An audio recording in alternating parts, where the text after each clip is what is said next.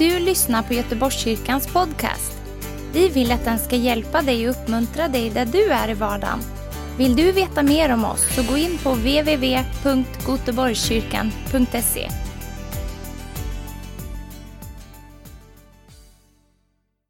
Väldigt roligt att se er alla. Känns som att jag står bland familj, vilket känns väldigt tryggt och eh, härligt. Och jag är så tacksam över att få vara med i den här församlingen. Det har betytt jättemycket för mig i mitt liv och i min vandring med Gud och det betyder fortfarande jättemycket. Ehm, så jag är väldigt, väldigt tacksam för det. Och jag tror de flesta av er känner mig här, eller vet i alla fall vem jag är. Men för er som inte vet det så heter jag Sara, eh, kommer från Helsingborg från början. Men har bott i Göteborg i lite mer än sex år och varit med i den här församlingen i lite mer än sex år. Ehm, yes, så det var en liten introduktion. Ehm, idag så kommer jag att predika om att följa Guds ledning och att inte låta sig eh, begränsas av rädsla som kan komma och stjäla det som Gud har för oss. Eh, och förra veckan så predikade Jonathan väldigt, väldigt starkt uppmuntrande om att finna frid med sig själv egentligen, att tycka om sig själv och den som Gud har skapat en till. Och min predikan kommer också koppla in lite i det, så eh, vi hoppar rätt in. Och det jag vill börja med är vår identitet och vår identitet i Kristus. Och vi behöver veta vilka vi är i Gud och vilka som han har skapat oss till. Och han har skapat oss till några med ett syfte. Han har inte skapat oss av en slump oavsett vad människor kanske säger eller vad du själv tycker. Att du inte kanske finns till med någon mening eller att du bara, du bara är och flyttar omkring. För så är det inte. Han har skapat dig med ett syfte, han har en plan för dig. Och den planen hade han redan innan du föddes. Och det står i psalm 139, som jag säkert tror att ni känner till. En underbar psalm och underbart uppmuntrande. Så jag tänker att vi läser den. Ehm, och jag kommer läsa från vers 1 till 18. Eh, och den är otroligt uppmuntrande. Så låt oss börja med Guds ord. Psalm 139. Herren vet allt och är överallt. Herre, du utransakar mig och känner mig. Om jag sitter eller står vet du det. Du förstår mina tankar fjärran ifrån. Om jag går eller ligger utforskar du det. Med alla mina vägar är du förtrogen. Innan ett ord är på min tunga vet du, Herre, allt om det. Du omsluter mig på alla sidor och håller mig i din hand. En sådan kunskap är mig alltför underbar. Den är så hög att jag ej kan förstå den. Vart ska jag gå för din ande? Vart ska jag fly för ditt ansikte? Om jag får upp till himlen är du där, bäddar jag åt mig i dödsriket är du där. Tar jag morgonrodnadens vingar, gör jag mig en boning ytterst i havet, ska också din hand leda mig och din högra hand fatta mig. Om jag säger, må mörker falla över mig och ljuset blir natt omkring mig, så inte mörkret mörkt för dig. Natten ska lysa som dagen och mörkret vara som ljuset. Du har skapat mina njurar, du sammanvävde mig i moderlivet.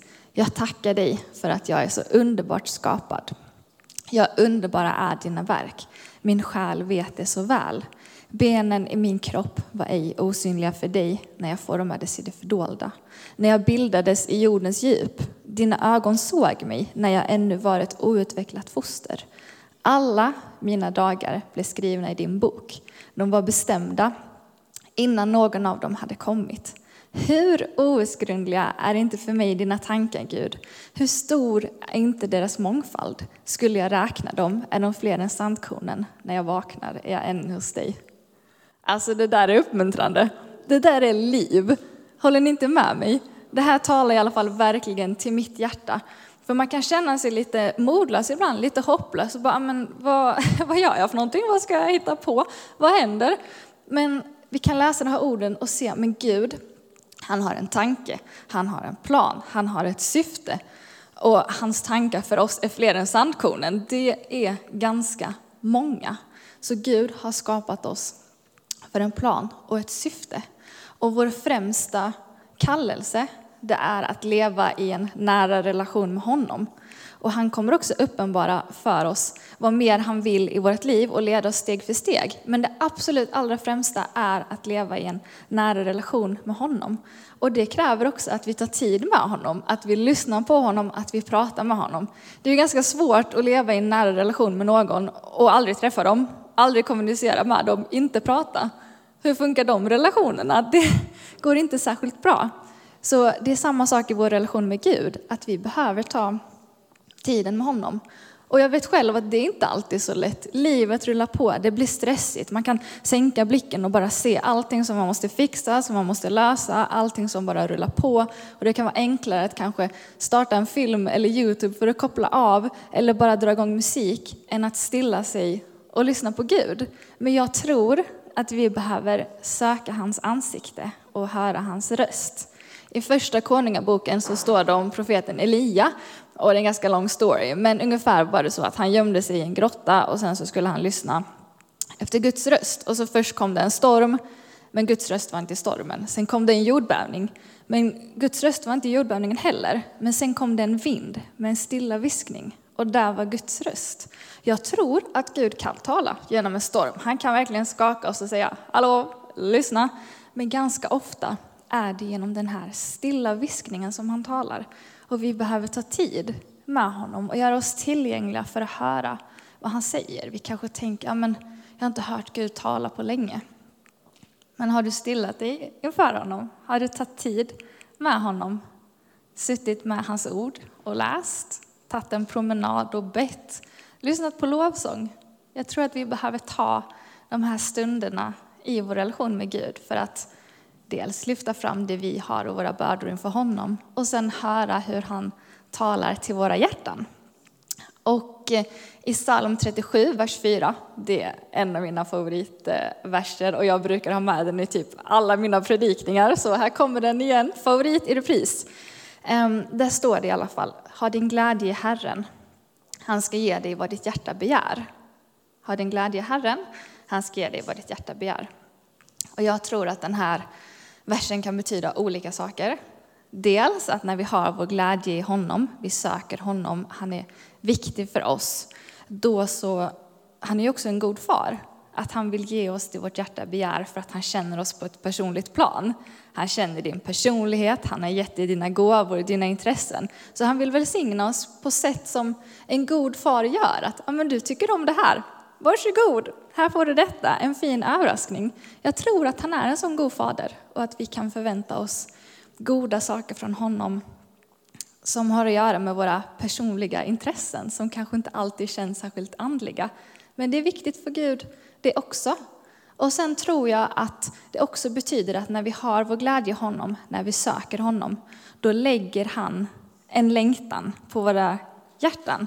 Alltså han ger oss vad vårt hjärta begär, som i en ny längtan, som i en kallelse. Som i att älska människor. Och den här längtan kan vara olika saker. Det kanske är att du vill hitta en partner, bilda en familj. Du kanske vill resa, evangelisera, skriva en bok, starta ett företag. Det finns massa saker. En längtan som har att göra med att älska människor och utbreda hans rike. Jag tror att han kan lägga en sån längtan i våra hjärtan när vi söker honom. Och han vill också leda oss steg för steg varje dag i våra beslut. Men ska jag ta den här utbildningen eller ska jag ta detta steget? Det står också att Jesus är den gode herden som vill leda oss steg för steg. Och vi kan lita på att han vill det. För som jag sa innan, det är lätt att bli så uppfylld av, av oro och egna tankar. Att hur ska jag lösa det här? Jag tror inte jag kan lösa det här. Det känns som en väldigt lång process, en väldigt lång väg och det är väldigt stressigt. Men vi behöver stilla oss inför honom, söka hans ansikte. Och kanske är det så att Gud har lagt en längtan på ditt hjärta att det här, det här brinner jag för, det här måste jag få göra. Det här längtar jag efter, det här ser jag fram emot, det här vill jag göra. Men det kan också vara så att det finns någonting som hindrar vad Gud vill göra i ditt liv. Någonting som begränsar. Det kan vara en rädsla som sätter stopp för att gå och ta ett steg ut i det som Gud har för oss. Och eh, jag vill dra en liten liknelse som, eh, som kan göra det tydligt. Ehm, och det kommer jag förstå när jag berättar. Och den här liknelsen är, det hände för några år sedan. Jag var med några kompisar och badade vid en sjö. Bland annat Lovisa tror jag. Jag vet inte om du kommer ihåg detta annars blir du nog påminn nu. Smörvattnet var det. En jättefin sjö med skog runt omkring och det var sommar och det var härligt, säkert semester och vi var taggade och bara, ah, nu ska vi ha en riktigt, riktigt härlig dag. Och du vet, man var barfota, gick runt, kände marken under fötterna. Det var ganska ljuvligt. Men helt plötsligt så var det inte lika ljuvligt längre. För jag trampade på ett granbarr och det gjorde ganska ont. Så trampa på ett granbarr, de är ju ganska långa och ganska vassa. Jag drog ut dem en gång och tänkte okej, okay, inga problem, det här går bra. Men det var en liten, liten, liten bit kvar som satt djupt in i foten. Och jag kände ingenting så jag tänkte, äh, det går väl bra, kan få vara där, spelar ingen roll. Fortsatte bada, hade det bra. Och dagarna gick och jag tänkte inte så mycket på det. Kände ingenting, promenerade runt, hade det bra. Men några fler dagar gick och det började göra ont. Jag kände det här granbetet, att oh, det skav lite när jag går. Liksom. Oh. Men det satt så djupt att jag inte kunde få ut den. Utan den bara satt där inne och skavde, jag kunde inte göra någonting åt det. Ännu fler dagar gick och det började göra riktigt ont. Usch, tänkte jag. Värst var löjligt egentligen att bli så plågad av ett litet, litet, litet granbar så att man knappt kan gå utan haltar fram. Men den var fortfarande så djup att jag inte kunde få ut den. Och till slut så haltade jag faktiskt fram, för det gjorde så ont. Och desto närmare ytan det kom, desto mer ont gjorde det. Men sen tog jag i med det tunga artilleriet anlitade mamma. som då lyckades få ut det här granbarret till slut. Och det gjorde ont. Men efter det så kunde jag gå, jag kunde springa igen. Jag var fri. Jag kunde ta fler steg och inte halta fram i livet. Och ibland kan det vara så. Du kanske inte har ett granbar i foten, men du kanske har ett granbar i själen. Någonting som har kommit dit satt sig djupt, djupt, djupt och som gör ont. Som hindrar dig från att ta de stegen som du känner i ditt hjärta att du vill ta. De stegen som Gud egentligen har kallat dig till. Och du kanske har drömmar, en längtan, men du har begravt dem, nästan dödat dem, bara för att det gör så ont att du inte kan gå på den foten. Du kanske kan ta massa andra steg, men den andra foten, här kan jag ta ett steg, här kan jag ta ett steg, här kan jag ta ett steg. Men här kan jag inte ta ett steg. Jag kan inte röra mig, eller jag kan bara halta fram. Jag tror att Gud vill sätta oss fria från de granbarren vi har i själen. Och de här granbarren kan vara en rädsla, ett misslyckande, en synd, någonting som begränsar oss och sätter stopp och som är så smärtsamt att det nästan är paralyserande. Jag tror också att Gud kommer tala till oss och uppenbara vad det är för rädslor och granbar vi har i vår själ. Och ibland är det också så att det kanske är något du kämpade med för länge sedan. Och så tänker du, men det här är så gammalt. Varför kommer det upp till ytan nu? Jag trodde att det här var förbi. Det var så länge sedan. Men jag tror också att Gud kan lyfta fram saker för att vi ska bli av med det. Han lyfter fram det och precis som granbarret i foten så kan det göra mer och mer ont desto närmre ytan det kommer. Och då tror jag att Gud är redo att plocka bort det så att vi kan gå i full frihet. Och jag hade också ett äh, granbarr i äh, min själ, ett område med rädsla. Man kan ha många granbar, man kan ha många rädslor på olika områden.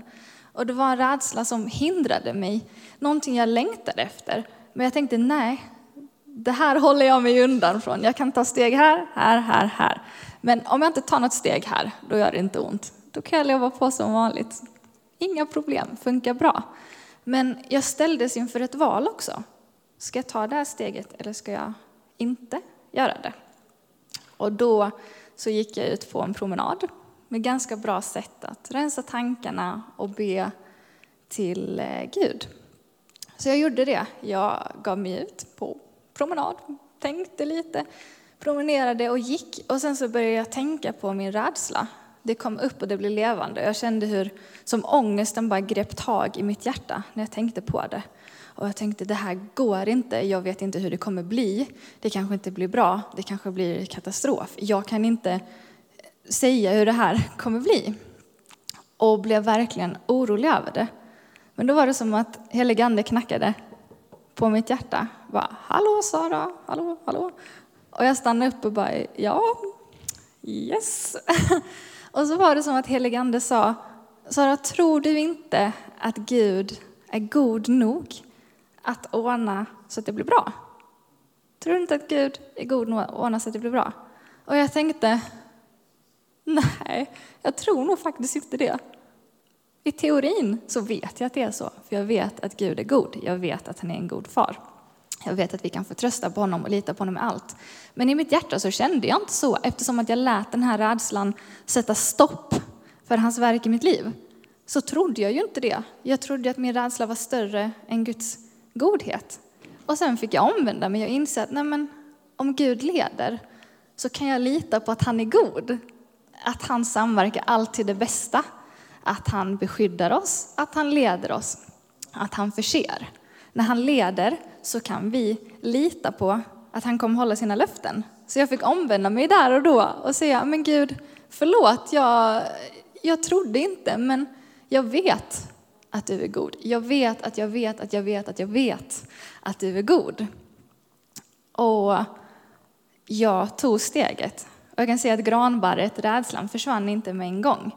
Men Gud arbetade med den och det försvann mer och mer och mer.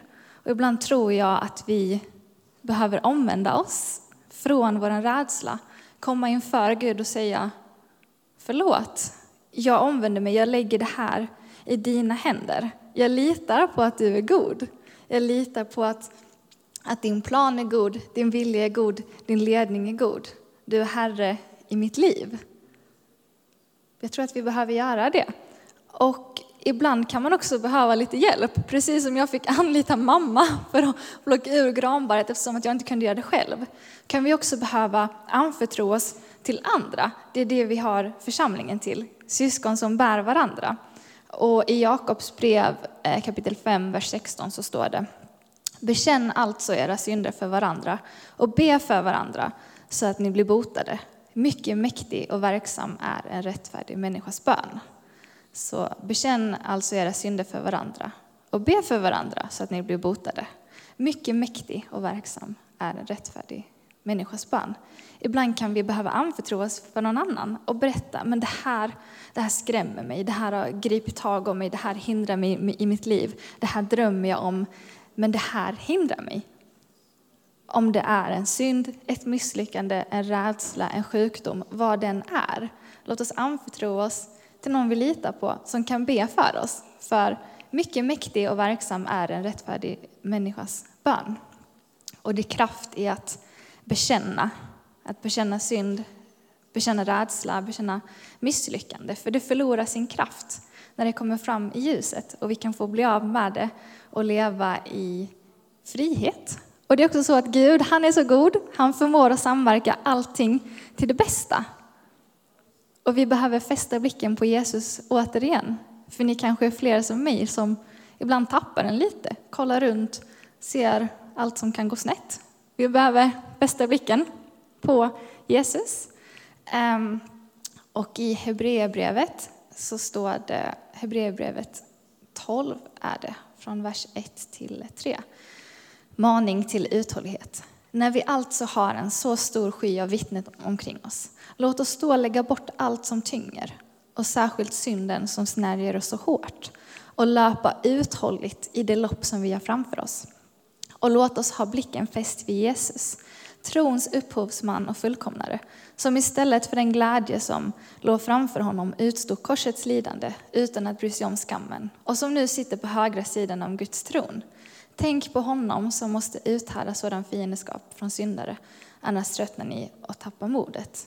Så låt oss fästa blicken på Jesus och uthålligt löpa det lopp vi har framför oss, utan granbar i fötterna. Låt oss löpa i full frihet.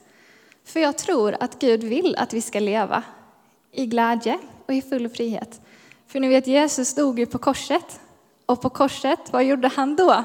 Han tog våra synder, han tog våra misslyckanden, våra sjukdomar, han tog allting på sig. Han bar allting för att vi skulle vara fria när vi tar emot honom. Han är god. Och genom det han gjorde på korset, genom det verket som han fullbordade, så har han liksom deklarerat att vi är fria. Och vi ska leva i den friheten. Jag tror inte vi behöver hålla fast vid rädslor bara för att det kan kännas lite tryggt.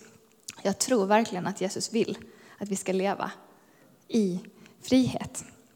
Så min uppmuntran är att om Gud har talat till ditt hjärta vad det är, att under lovsången så, så ber vi till honom. Vi kommer inför honom, vi överlåter oss till honom och låter honom tala till oss. Kanske han behöver väcka en vision på liv igen och liksom tala liv till din själ, tala liv till dina drömmar, dina visioner, din längtan. Jag tror han kommer göra det.